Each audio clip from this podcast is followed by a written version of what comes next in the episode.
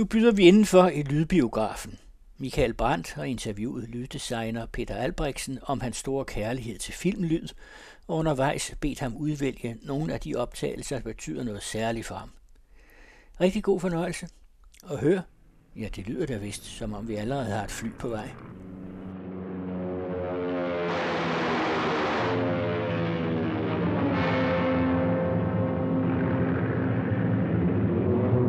Altså hvis man virkelig skal grave tilbage i filmhistorien, så den gamle King Kong fra 1933 var sådan virkelig, virkelig, virkelig sådan øh, pionerarbejde inden for at gå ud og optage lyde, og så manipulere dem og bruge dem i en film.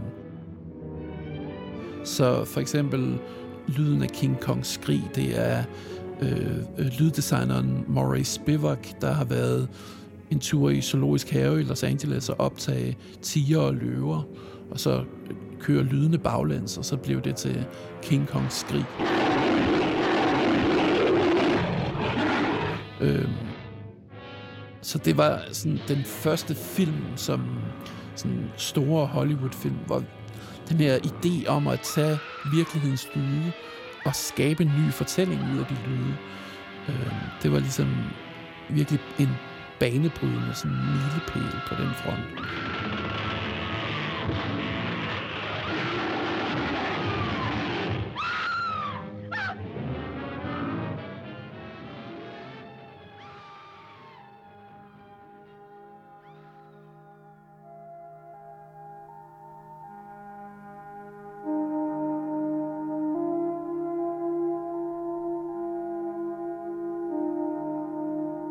Goddag, jeg hedder Peter Albrechtsen.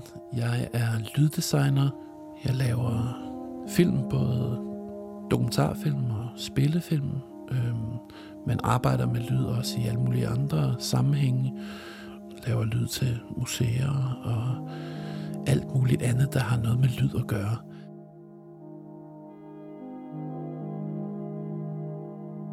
Øh, en gang var det sådan i dansk film, at øh, lyd, det var sådan noget, man lavede til sidst, og det gik i virkeligheden mest ud på at rense dialogen, og så putte de lydeffekter på, der ligesom skulle øh, være der, altså en bil, der kører forbi, og en dør, der smækker, og så i øvrigt sørge for, at musikken spillede de steder, den skulle, og til det lydniveau, den ligesom skulle. Og det, der er sket, gudskelov, de sidste par årtier i dansk film, det er, at lyden har fået en mere og mere øh, vigtig plads som medfortæller i film. You will now listen to my voice. My voice will help you and guide you still deeper into Europa. Jeg tænker, for mig så, er det, så har Lars von Trier været virkelig altafgørende for den udvikling. Hans gamle lyddesigner Per Streit var virkelig sådan en øh, lyddesigner i ordets bedste forstand, altså en mand, der virkelig skabte lydverdener og tog stilling til hver eneste lyd som et meget fortællende element. Every time you hear my voice, with every word and every number, you will enter a still deeper layer, open, relaxed and receptive. Da de indspillede Europa, så optog han Max von Sydows stemme med, at Max von Sydow lå ned, så han havde den her helt sådan hypnotiske øh, stemmeføring, som er så fantastisk i den film. I shall now count from 1 to 10. On the count of 10, you will be in Europa. I say 1. And as you focus your attention entirely on my voice, you will slowly begin to relax. Two. Your hands and your fingers are getting warmer. Altså for mig som øh, lyddesigner på film, så er det at optage lyde, indsamle lyde, lytte efter lyde, finde lyde, det er sådan, altså, det er jo hovedkranspulsåren i mit arbejde. Altså det er virkelig, virkelig, virkelig helt centralt. Også fordi, at øhm, jeg faktisk meget sjældent egentlig sådan laver decideret sådan syntetiske lyde, sådan rent syntetiske, som jeg, altså jeg har ikke nogen synthesizer sat op her i mit studie, hvor jeg sidder og taler lige nu. Det jeg gør, det er, at jeg optager lyde, jeg indsamler lyde, øhm, og så er det de lyde, jeg ligesom arbejder med i mit arbejde. Øhm, så på den led, så øh, er det der med at indsamle lyde helt sindssygt centralt for mig. Jamen altså, øh, mit lydarkiv, det er jo indsamlet nu over 20 år. Øhm, min filosofi er, at man aldrig smider noget ud, man altid beholder det, fordi at lige pludselig så opdager man, at en lyd, man optog for 15 år siden, kan bruges til et eller andet særligt. Jeg tror, at mit lydarkiv nu er på sådan noget 2 terabyte. Så øh, det er rigtig, rigtig meget materiale. Så det handler rigtig meget om at ligesom få navngivet sine filer, så man kan finde rundt i dem. Også øh, fem og otte år senere. Øh, men jeg kan også ret godt lide at bare sådan gå på opdagelse i mit bibliotek, og så bare finde lyde, som jeg faktisk sådan har glemt, hvad er, eller bare så lade være med at kigge på, hvad de, hvordan de egentlig er navngivet. Og så bare finde nogle lyde, som kan et eller andet specielt, og så lægger jeg det ind, og så bruger jeg det. Så øh, på den måde, så øh, ens lydarkiv, det er jo ligesom den bank, man ligesom arbejder ud fra. Jamen, den første lyd, øh, som vi skal høre, det er øh, en lyd, som man ikke længere kan optage. Ikke længere må optage. Det er forbudt at optage den her lyd nu. Øhm, og det er øh, lyden af maskinrummet på Skywalker Range. Og øh, Skywalker Range er det her, øh, den her ikoniske øh, range, som George Lucas byggede for de penge, han tjente på Star Wars.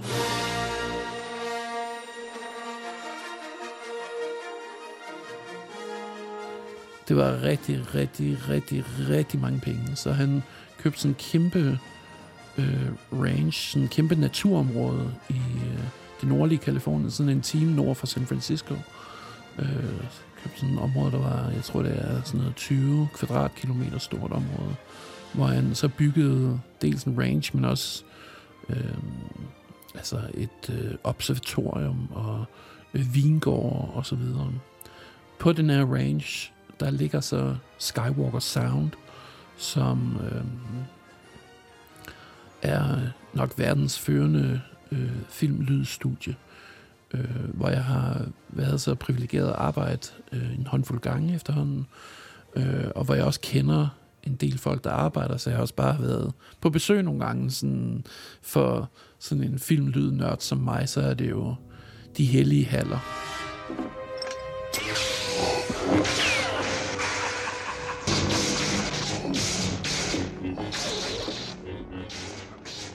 Men en af de første gange, jeg besøgte Skywalker Range, der, øh, som, da, de, da jeg så blev vist rundt der, der øhm, et af de rum, jeg kom ud i, det var ligesom deres maskinrum. Og altså, altså maskinrummet på Skywalker Range, det er lidt større end de normale maskinrum, man sådan lige ser rundt omkring.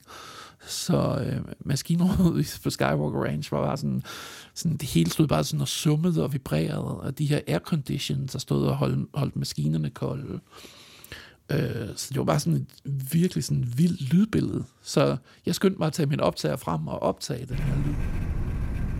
Det er maskinrum på Skywalker.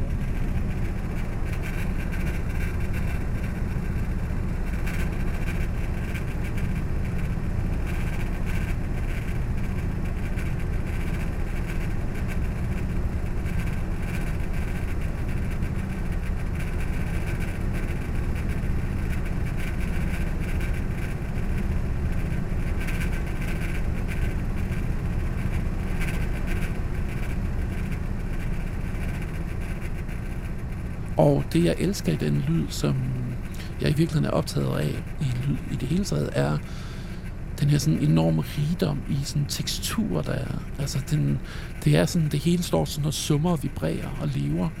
Øh, og det kan jeg bare så godt lide. Og det er, det er altså mange af mine film, når der ligesom er nogen, der er et eller andet sted, hvor der kører maskiner i baggrunden, altså et, et køkken eller et kontor eller whatever det kan være. Øh, Øhm, et skib eller en, en noget helt femte, så, øh, så er den her lyd ofte sådan et, et lag i den her atmosfære. Øh, så ja, det er en, en lyd, jeg vender tilbage til igen og igen. Når man skruer op for den her lyd af det her maskinrum, og bruger det sådan, mixer det mere aggressivt, så får du virkelig en følelse af, at om det her rum er jo næsten ved at falde fra hinanden. Men så samtidig så er det også en, en, en lyd, der er god på den måde, at man kan afspille den lavt, og så er den stadigvæk sådan en karakter. Det er faktisk øh, sådan nogle gange et kunststykke med lyde til film, som ligesom på den ene side skal øh, kunne bruges, hvor du spiller dem med højt niveau, men de skal også være interessante at høre på, selvom du afspiller dem lavt, så det ikke bare bliver en susen, der står sådan men når man afspiller den her lavt, så er det sådan det har stadigvæk sådan et liv. Så, øhm, så det er noget af det, jeg også leder efter i livet. Og øhm, det der er, det er, at nu om dagen, så får man så ikke lov til at komme ind i maskinrummet på Skywalker Range, fordi at der er så meget øhm, fortrolighed omkring det her materiale, at det kun er teknikerne på stedet, der får lov at gå ud gå ind i maskinrummet. Så hvis der ligesom er et eller andet, der skal fikses i maskinrummet, så får man nogen til at gøre det. Øh, man går ikke selv bare lige ud i maskinrummet på Skywalker Range.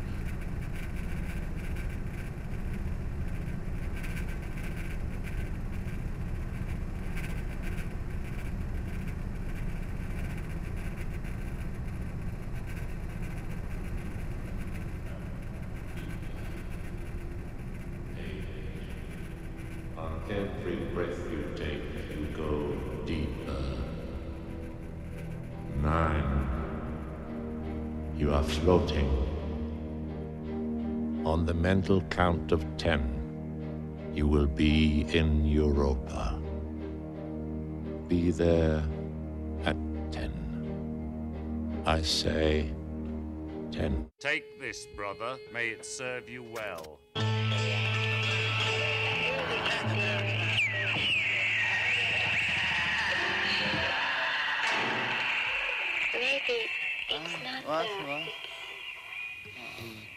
Altså, jeg er jo vokset op i sådan et hjem med, øh, med en far, der gik helt vildt meget op i klassisk musik, og især sådan mere moderne klassisk musik.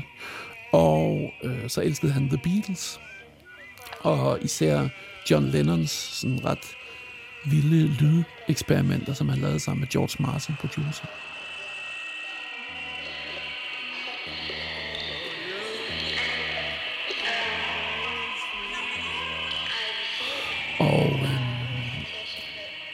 Den måde, så har jeg ligesom fået den her fascination af lyd ind meget tidligt.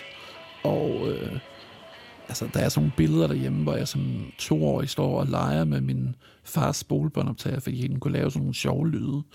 Så min farfar, han blev nødt til at... Han var sådan en snedker. Han lavede sig sådan en øh, spolebåndoptager af trap til mig, som jeg så, hvor jeg så kunne sidde og lege med de der bånd, øh, fordi det andet var lidt dyrt øh, legetøj. You become naked.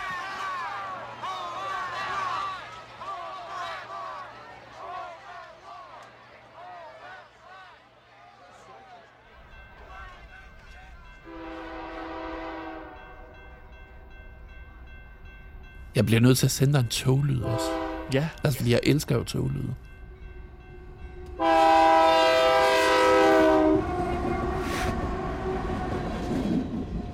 Jamen altså, toglyd har jo sådan været en, sådan en øh, generel øh, ting ned igennem filmlydens historie, altså hvor tog øh, bare har været altså den, en af de, jeg tror faktisk den allerførste film af Lumière-brødrene er sådan et, en film med et tog, der ankommer til en perron. Så der er et eller andet med tog og med film, som kan noget særligt, og lydene fra et tog er, er utrolig spændende, fordi det er så musikalsk. Altså. Så det, altså, det er sådan meget, på den ene side den her, det her med rytmikken, som jeg talte om, og med det teksturelle, det er både spændende at høre lavt og højt, og så øh, er det meget øh, øh, musikalsk også. Så det har ligesom alle de her elementer, som gør det utrolig spændende at høre på toglyden.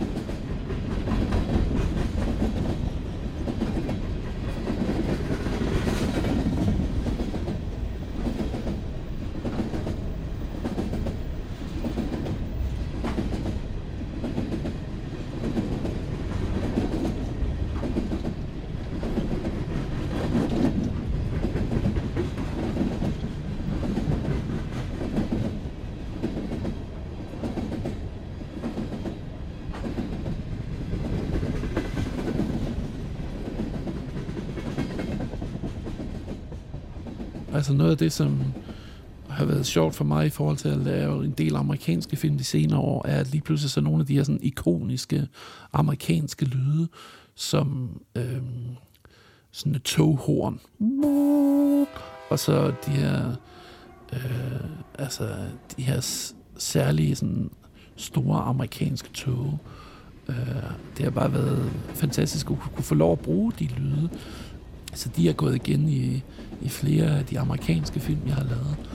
Og så kan man jo også bare høre det rytmiske igen, altså med skinnerne og hjulene, der klikker klakker, og så bare kraften i de her altså sådan mange, mange tons metal, der ligesom bevæger sig hen over andet metal, og bare skaber sådan en helt utrolig kraftfuld lyd.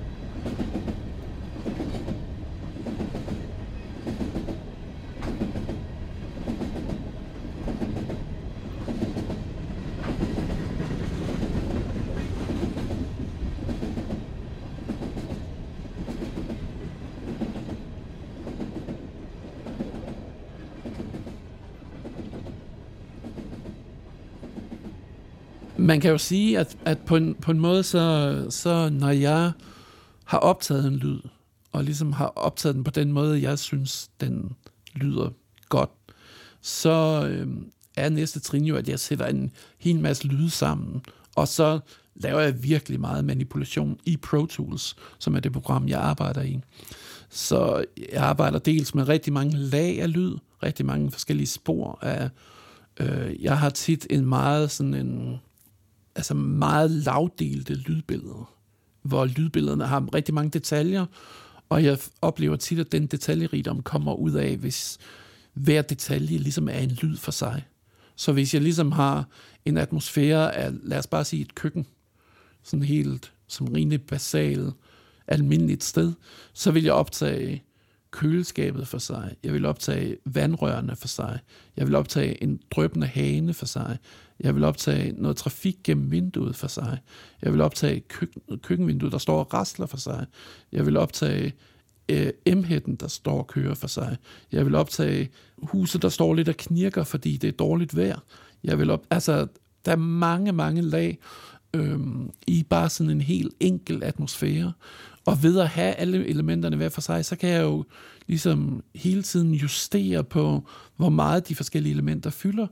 Og det er tit sådan, at i en, i en filmscene, i en scene i en film, så er øh, lyden i starten af scenen, hvor jeg sådan introducerer en atmosfære øh, med flere forskellige lag, så i løbet af scenen, så ændrer lyden sig baggrundslyden, så den ofte bliver, bliver måske nogle gange mere enkel, men det kan også blive sådan en, nærmest en hel rejse fra, at jeg kan huske, der er en scene i Vores Mand i Amerika, som øh, er en af mine yndlingsscener i filmen, som er sådan en køkkenscene mellem de to hovedpersoner, der sidder og snakker.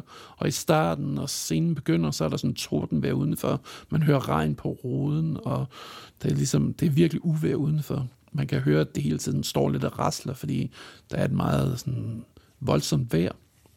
Og så når de begynder at tale, så fjerner jeg flere og flere elementer. Så havde jeg sådan et rør, der stod og raslede, om så kunne det komme ind. Og så til sidst, så er det næsten bare sådan, så fandt jeg sådan en meget sådan delikat, fin lyd af sådan et drøbende, et, en drøbende vandhane, der bare står og drøber ned i en vask. Og det er faktisk den eneste lyd, man hører næsten til sidst i scenen. Men når du ligesom ser filmen, så sidder du ikke og tænker, Nå, hvorfor forsvandt alle de lyde?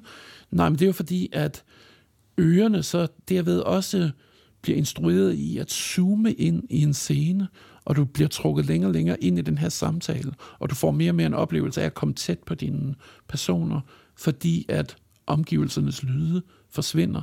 Og det er jo virkelig sådan, det også er, når vi er ude i virkeligheden, det er, at jo mere vi zoomer ind på en bestemt ting, altså en bestemt person, man sidder og taler med, jo mindre hører man egentlig af det, der omgiver en. Så det er på en måde at arbejde med den psykologi, der er i hørelsen, det omsætter man så til øh, lyden i filmen. This leader is provided to permit the projectionist to complete adjustment of focus and sound level before the film begins. Altså fascinationen af lyd er ligesom, har været der meget tidligt. Øhm, det var da jeg gik på Filmhøjskolen i 95, Filmhøjskolen i Æbeltoft.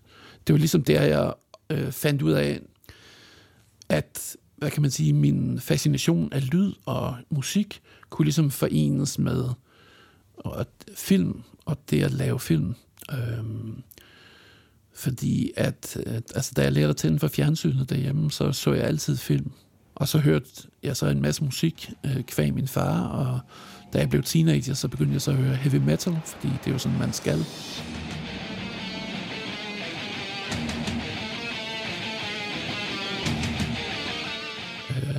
Det er jo det naturlige ungdomsoprør.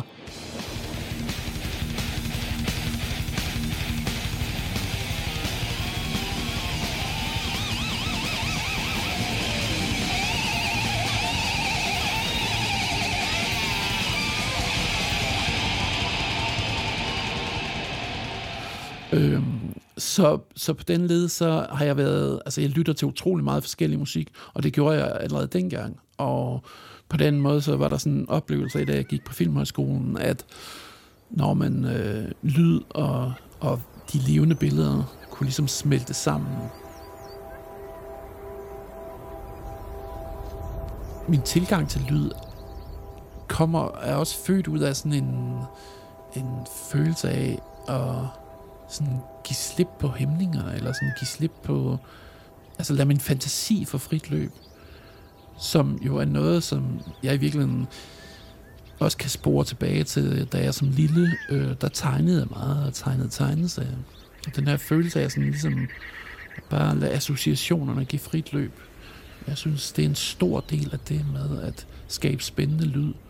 Øh, det er det her med at ikke være låst af, hvad en lyd er, men hvad en lyd fortæller. Og det kommer rigtig meget ud af, synes jeg, at ikke være begrænset af øh, regler og restriktioner, og på den måde jo i virkeligheden være lidt et barn, der gør, hvad man har lyst til, og får de mest finurlige, fantastiske tanker og inputs og idéer lige pludselig, fordi man øh, ikke er blevet hæmmet af at bare skulle sidde og udfylde sendangivelser og Altså, betale siv.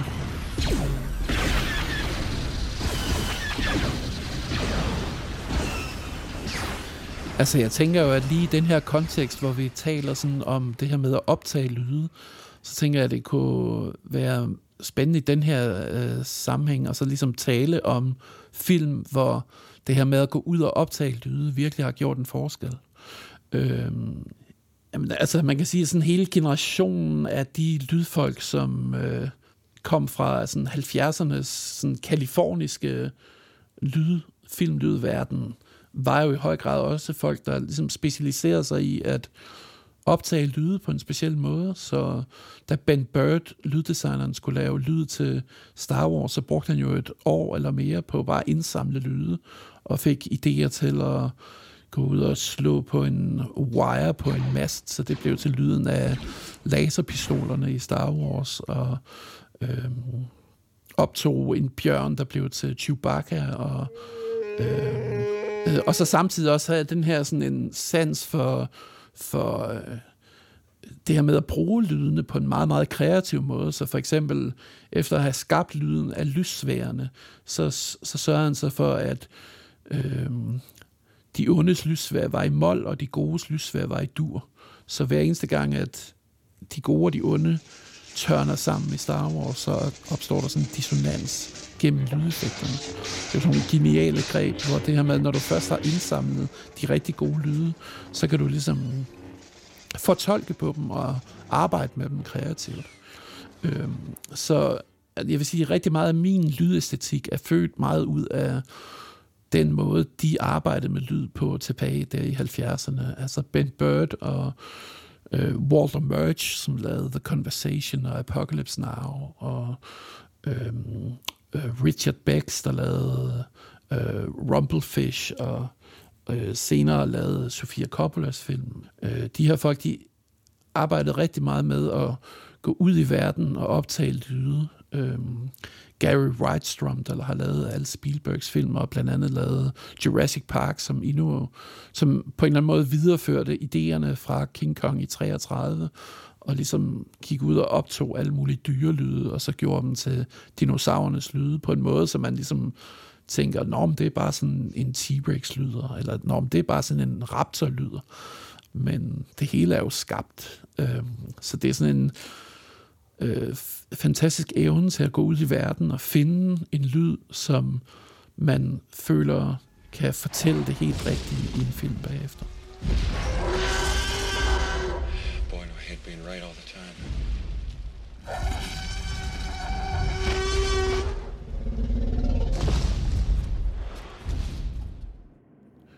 øh, synes jeg også, man skal fremhæve Alan Split, som er David Lynch's gamle lyddesigner, som ligesom i samarbejde med David Lynch øh, virkelig meget sådan skabte den her særlige, unikke, lydlige personlighed, som David Lynch's film har. Øh, så altså øh, var ude og optage alle de her gamle fabrikker og industrielle maskiner, som kendetegner Eraserhead og Elephant Man og så videre.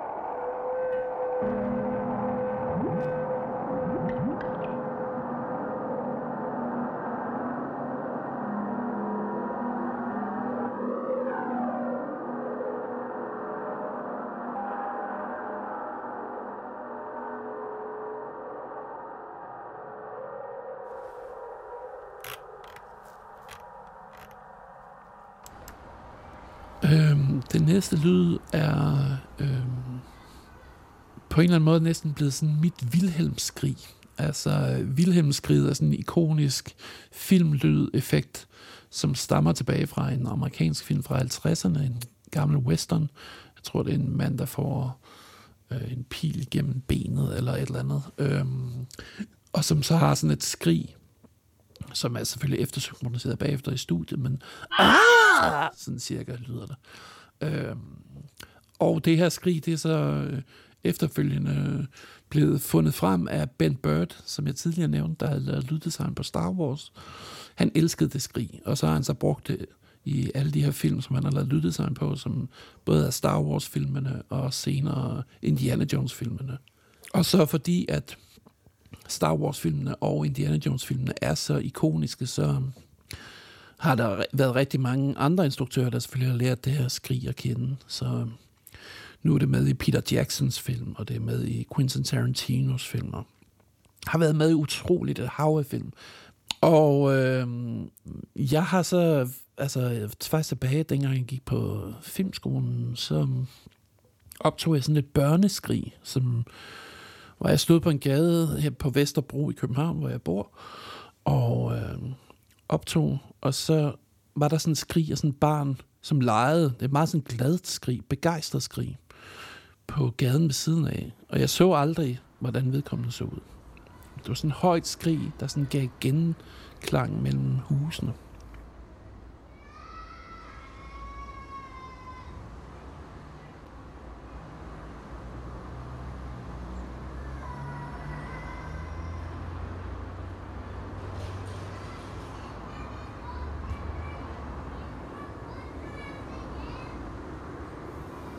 Det skrig, det ligger sådan 15-20 sekunder ind i den der lyd, jeg har sendt dig. Og øh, det skrig har jeg så virkelig taget til mig. Jeg elsker det der skrig, og det har jeg brugt i altså næsten alle film, jeg har lavet øh, i de sidste 10-15 år. Øhm, øh, så folk, der kender mig, de, når de hører det skrig, så ved de, at det er mig, der har lavet lyden på filmen. Øhm, så det er sådan et, blevet sådan et varemærke. Øhm, og jeg elsker den der barnlige glæde, der er i den der lyd, og jeg elsker samtidig sådan rummet omkring lyden. Og så har det bare sådan den her fantastiske følelse af sådan liv, som øh, giver en virkelig altså, stærk stemning til nærmest uanset hvilken kontekst man putter det ind i. Jeg har aldrig ligesom taget mig sammen til at bygge sådan en, jeg burde lave sådan en collage ud af alle de steder, hvor man hører det her børneskrig. Ja.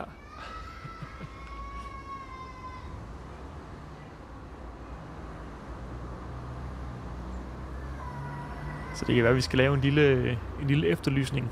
Hvis man har stået på Vesterbro og, og, og skrevet omkring år, Ja, for 25 år siden.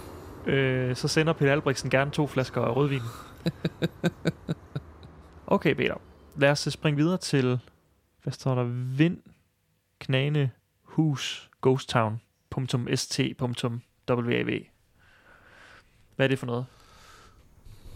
Det er sjovt med de her filnavne, fordi når man ligesom skal øh, sørge for, at det, det indeholder alle de her forskellige kvaliteter, som en lyd har, så får den tit sådan nogle, i hvert fald nogle gange får de her navne, som er meget lange og kringlede, men som gør, at når man putter dem ind i sit lydprogram og sin lyddatabase, så kan man søge på knæene, og man kan søge på ghost, og man kan søge på vind, og så får man den her lyd frem. Øhm, men øh, lige præcis den her lyd af det knirkende hus er en lyd, som øhm, øh, jeg optog i øh, sådan en ghost town i Kalifornien. Øh, det vil sige en by, der er blevet forladt, lå midt ude i ørkenen. Øh, og hvor der stod de her forskellige huse, som ligesom bare stod helt tomme tilbage. Øh, og bare har stået ligesom og faldet, faldet fra hinanden langsomt.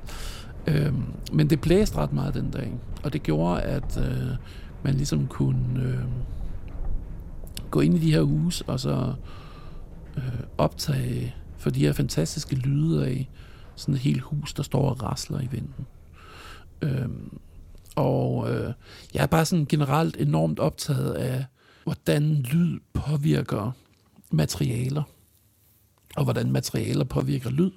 Altså forstået på den måde, at øh, det her med, at øh, sådan et hus, der står og rasler i vinden, at så er det ikke bare, det er ikke bare én ting, der står og knirker, men det er også en, en ting, der er øh, 20 meter længere nede. Der er også et vindue over, til, over i den modsatte side, der står og rasler lidt, og den her fornemmelse af, at, at man ikke bare optager én lyd, men man optager sådan en tilstand, man optager øh, en... Øh, en verden af lyd, som man foreviger gennem sin mikrofon.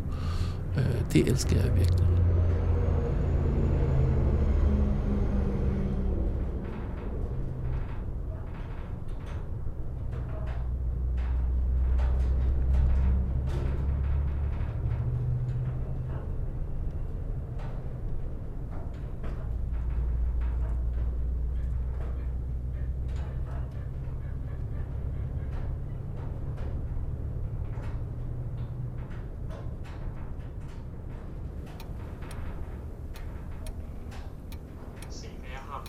Kom faktisk i tanke om en lyd, som, Mikkel, som jeg faktisk måske burde sende til dig, som er lyden af min mormors gamle ur, som jeg har brugt i en række film også.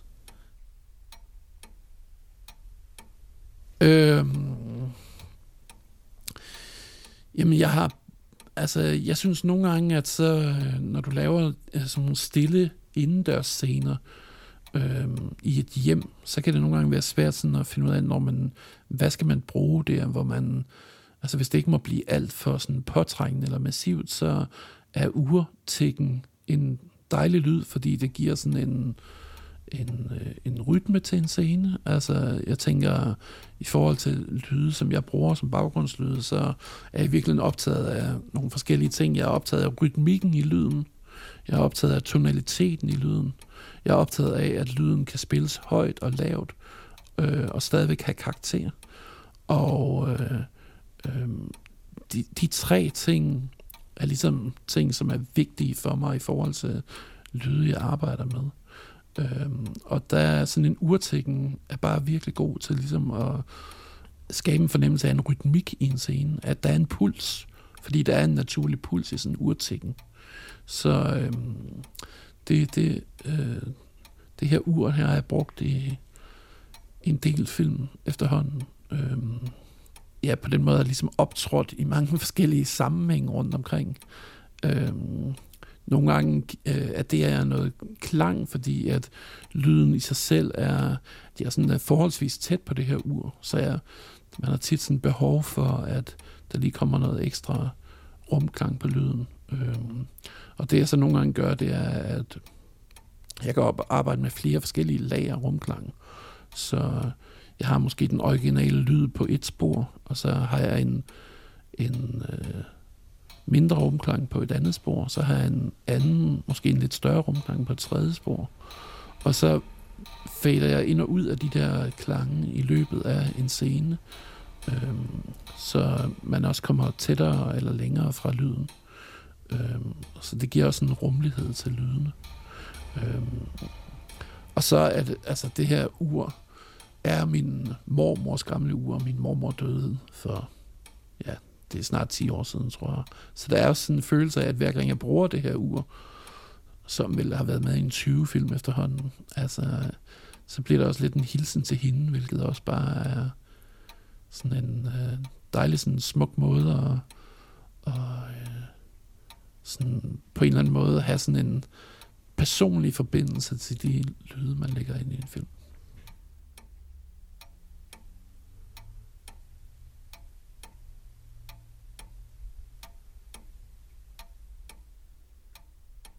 Øhm, inde i vores hjerne har vi en meget stor følsomhed omkring lyd.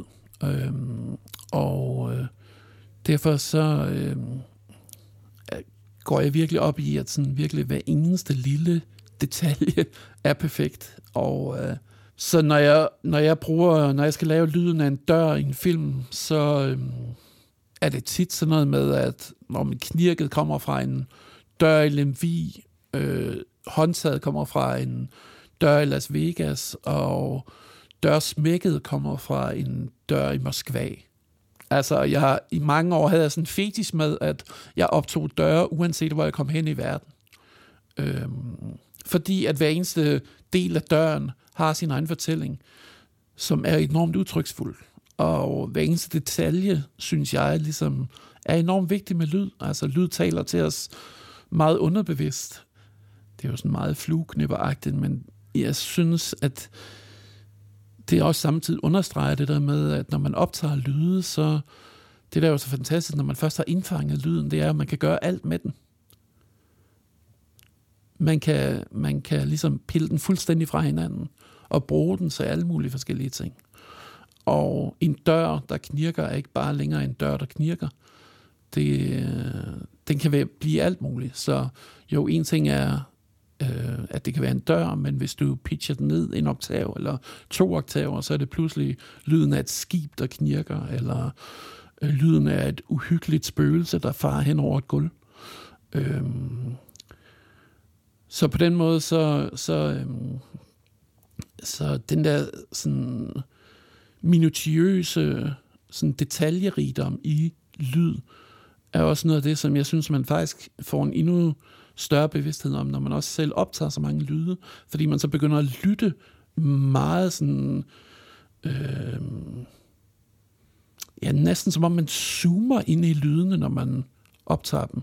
Og også når man bare går rundt i, i øh, verden til daglig. Altså, jeg har ikke talt på, hvor mange gange jeg har stået et eller andet supermarked øh, eller på en gade og optaget en ventilation, der blafrer, eller en, øh, en, et køleskab, der knirker. Øh, altså, det sker hele tiden. Så jeg har hele tiden sådan en lille optager med mig rundt. Øh, de her små harddisk recorder, der bare lyder forbløffende godt, og som ligesom er den store åbenbaring, synes jeg i virkeligheden, inden for lydteknologi de sidste 10-15 år. Det er, at lige pludselig så er det blevet enormt nemt at optage gode lyde, uanset hvor man er. Og hvis den lyd er spændende, så er den også spændende, selvom man har optaget det på en Zoom-recorder til 1.500 kroner, frem for man optog det på en Kantar-recorder på, til 125.000 kroner. Øhm, det vigtige er ligesom at få fanget lyden, når den er der. Øhm, og det er også det, der er så fedt ved de der handy recorder, det er, jeg kan optage lyden, mens den er der, fordi jeg, altså, jeg kan huske en gang, hvor jeg ligesom, så skulle man ind og sætte en båndspol på sin lille Nagra-optager og sådan noget. Og så, når man så kom tilbage til termokanden, der havde en mærkelig lyd, så sagde den ikke længere den der lyd. Så var den forsvundet. Så øhm, det er, altså på den led, så øh, handler det om lyden. Det handler ikke om teknikken. Øhm, den næste lyd er øhm, lyden af min søn, der nu er 10 år gammel. Det var en lyd, der blev optaget, da han lå inde i sin mors mave. Det er Rudolf i Berlin. Max hedder min søn. Hans mor og jeg var i Berlin. Hun var øh, gravid, øh, og øh, en sen aftentime, så øh, oplevede hun nogle forskellige smerter, der gjorde, at vi ligesom tænkte, Nå, okay, vi må hellere gå ind og få det tjekket. Så øh, vi tog på et øh, hospital, og øh, der var gudskelov ikke noget galt, men øh, hun blev øh, øh scannet og fik sådan en af de her, øh, jeg ved faktisk ikke, jeg kan ikke huske, hvad det er, det hedder, men de her øh, sådan, øh, som, som ligesom gengiver lyden inde i maven. Øh, og øh, det er en helt særlig lyd, der ligesom, hvor man så kan høre babyens hjerte slå, som slår sådan overraskende hurtigt.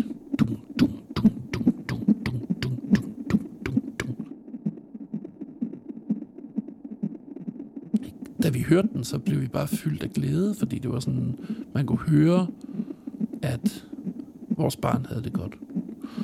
Øhm, men den lyd har jeg så også brugt øh, senere hen i forskellige film. Øhm, I underverdenen, øh, der er hovedpersonens kone er gravid, og der er sådan en drømmescene i filmen, øh, hvor øh, han har sådan en mareridt, og øh, som netop også handler om, om hvad sker der med konen, den gravide kone, og der tog jeg faktisk lyden af Maxes hjerteslag for dengang, og ligesom lavede abstrakte lyde ud af det, så man ligesom, så rigtig mange af de lyde, der er i den, det er sådan en forholdsvis kort sekvens, men til sådan øh, skabt sådan nogle drømmelyde ved at give ekstra rumklang og pitche, og men også bruge den reelle lyd til ligesom at give en følelse af, at man hører sådan en baby inde i maven, men hvor hele verden nærmest blev formet rundt omkring de lyde. Så øh, øh, der fik min søn så en øh, lille markant birolle i den film.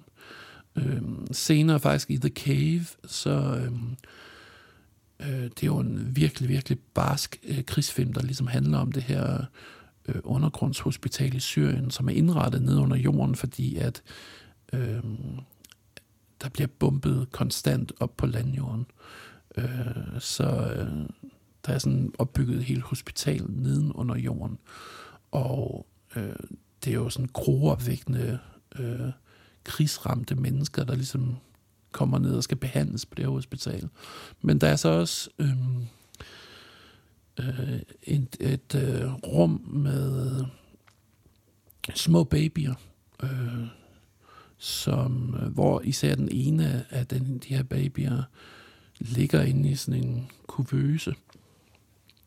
Og øh, det på mange måder ligesom afspejler hovedpersonen Armani Balur, som er lederen af hospitalet faktisk. Hendes ligesom indre håb omkring, når at der kommer liv tilbage i verden på en eller anden måde, og det ikke kun er død og destruktion, men der faktisk også er nyt liv på vej.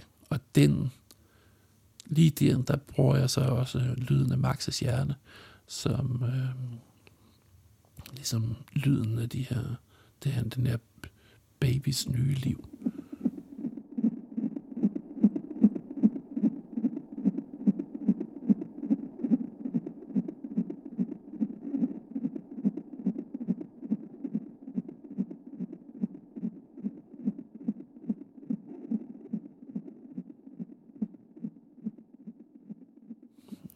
Det, som jeg sådan oplever i, i lydverdenen, øh, som jeg synes er en fantastisk sympatisk udvikling, er, at øh, gennem de sådan sociale medier og sociale netværk, så er vi alle sammen blevet sådan connected på en måde på tværs af landegrænser, at øh, det er meget nemt at få fat i øh, folk på den anden side af jorden. Og øh, inden for lydkredse, så er der bare sådan en stor gavmildhed omkring at, at dele sit materiale. Og når man... Øh, jeg, jeg har ofte sådan på øh, Facebook eller Twitter annonceret efter, når man jeg har brug for en lyd fra Uruguay, eller jeg har brug for en øh, øh, særlig fuglelyd fra Kenya. Og så inden for 24 timer, så er der ligesom en, der har meldt tilbage, og så har jeg allerede et par gode optagelser i inboxen. Øhm, så jeg oplever egentlig, at øh, også at det har gjort, at i forhold til netop at optage lyde, at du kan også få fat i folk, der er meget, meget, meget specialiseret i noget. Altså, hvis jeg skriver ud på Twitter og siger, når jeg har brug for nogle gode ulvelyde, så får jeg lige pludselig fat i otte eksperter, der ikke har optaget andet end ulvelyde de sidste syv år. Øh, da jeg lavede Valhalla, så fik jeg fat i øh, en øh, amerikansk øh, lydeffektoptager, som har specialiseret sig i at optage torden. Øh, han bor i Idaho, hvor åbenbart der tit er torden uden regn. Det er sådan noget, man ikke kan få optaget i Danmark, fordi at her der regner det næsten altid, mens det tordner. Det vil sige, at du ikke rigtig kan bruge tordenlyden i sig selv, fordi der er så meget regn i. Men han havde simpelthen specialiseret sig i det, så altså jeg fik sådan mange, mange gigabyte med tordenlyde, øh, som ligesom er så det, der ligger i Valhalla nu. Øh, så den der form for sådan specialiseret præcision, øh, som der er i sådan det moderne sound community, det er fantastisk.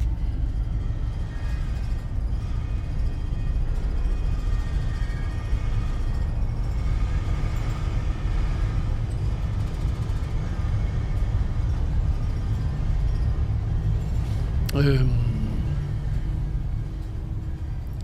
Den sidste lyd her, som øhm, jeg har fundet frem, er... Øhm, det er faktisk en lyd optaget af Mikkel Nielsen, og som jeg ikke har optaget, men som vi var resultatet af en lang tids sådan, research og tanker omkring øh, en helt speciel lyd, som vi ledte efter. Øh, det var til en film, der hedder You and Me Forever øh, af Kasper Munk, øh, som var sådan en ungdomsfilm, vi lavede for, ja, det er efterhånden mange år siden. Hvad er det, 10 år siden, måske mere? Øh, hvor slutscenen foregår inde i et, sådan et forladt hus, som så begynder at blive øh, revet ned, mens man er inde i huset. Og øh, jeg havde sådan en følelse af, at vi skulle virkelig lave vi skulle ligesom skabe lyden af, at når den der fysiske oplevelse af at være i noget, der bliver der, der vælter ned omkring ørerne på dig. Men hvordan optager man det? Øhm, og så øhm, skete der det, at altså, vi brainede på alt muligt og prøvede at optage forskellige ting, der raslede og sådan noget. Men det var sådan, det jeg gerne ville have, det var sådan følelsen af en virkelig stor fysik. Altså virkelig altså, lyd er jo på den ene side meget, meget psykologisk og meget finfølende og meget sanseligt, men lyd kan jo også have en enorm fysisk effekt på dig, bare i den kraft og power, det ligesom kan have. Og øh, det var den kraft, jeg gerne ville have, at der var i den her lyd. Og så øh, kan jeg huske, at Mikkel skrev en dag, øh, vi, vi, vi er konstant i kontakt, altså Mikkel hjælper mig øh, på alle mine projekter, og er sådan fuldstændig uundværlig, både til at optage lyden, og hjælper mig med at klippe lydeffekter, og øh, holde styr på hele det der gigantiske lydbibliotek, vi efterhånden har fået oparbejdet. Øhm, og så øh, skriver vi hele tiden til hinanden, og når jeg får nogle nye crazy idéer, så skriver jeg til ham, og øh, når han hører en speciel lyd, så optager han den lige, og så sender han den til mig, og så videre, og så videre. Og så, øh, så øh, øh, var han, øh, så havde han taget båden fra Helsingør, han bor i Helsingør, til, øh, fra Helsingør til Helsingborg, og så står han, øh, så kommer han op øh, på selve færgen, mens den sådan sejler ud fra havnen. og så står det hele bare sådan og rasler. Øh, op på den her færge, fordi det åbenbart viser sig, at den ligesom, for at kunne komme ud af den der havn, så skal den ligesom bakke ud. Så det er som om, at hele færgen ligesom står og bevæger sig. Øh, så øh, han skrev sådan til mig, om nu tror jeg, jeg har fundet den perfekte lyd til det her. Men altså, det der jo er, når du ligesom tager sådan en færge, så er der jo normalt, så er du jo omgivet af masser af mennesker. Så øh, vi fik lavet sådan en særlig aftale med dem, hvor han så kunne øh, komme ind på færgen, uden at der var alle mulige andre. Øh, og bare optage den her lyd. Så øh, øh, den, her, den her lyd er simpelthen bare, altså lyden af en færge i bakgear. Øh, men inde på selve dækket, så man bare kan høre, hvordan altså, hele færgen bare står og ryster. Og det var bare, altså det er sådan en fysisk, hæftig, intens lyd, men med rigtig mange lag i. Så det ikke bare er en dyb, brummende ond lyd, eller en masse raslen. Det har ligesom det hele spektret i sig.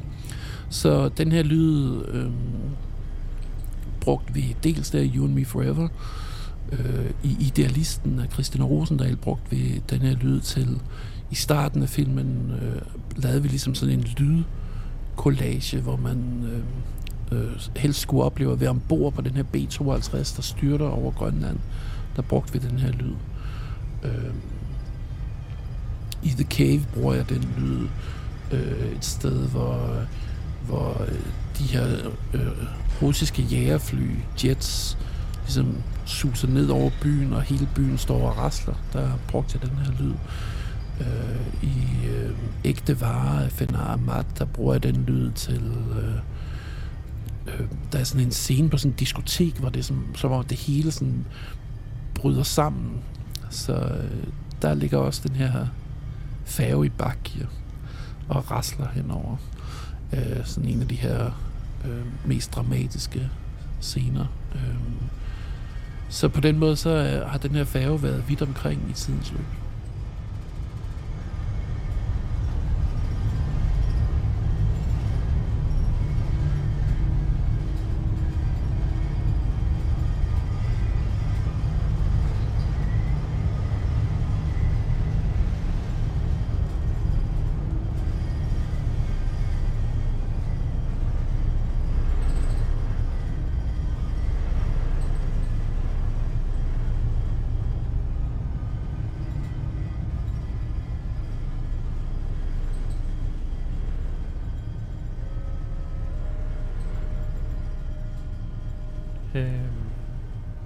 Men fedt, Peter. Jeg tror, vi er igennem, øh, vi er igennem det hele. Ja. Når man først går i gang med at snakke om lyd på den her måde, så er det svært at stoppe igen. Ja, fuldstændig. fuldstændig men det, det er kun fedt. Det var, det var meget spændende. Fedt. Jamen, øh, jeg sender det her til dig. Ja. Tusind tak, Peter. Vi, øh, vi snakkes ved. Ja, det gør vi. God, øh, god aften derovre i København. Tak. Yes. Hej. God aften til dig. Ja, tak. Hej. Hej.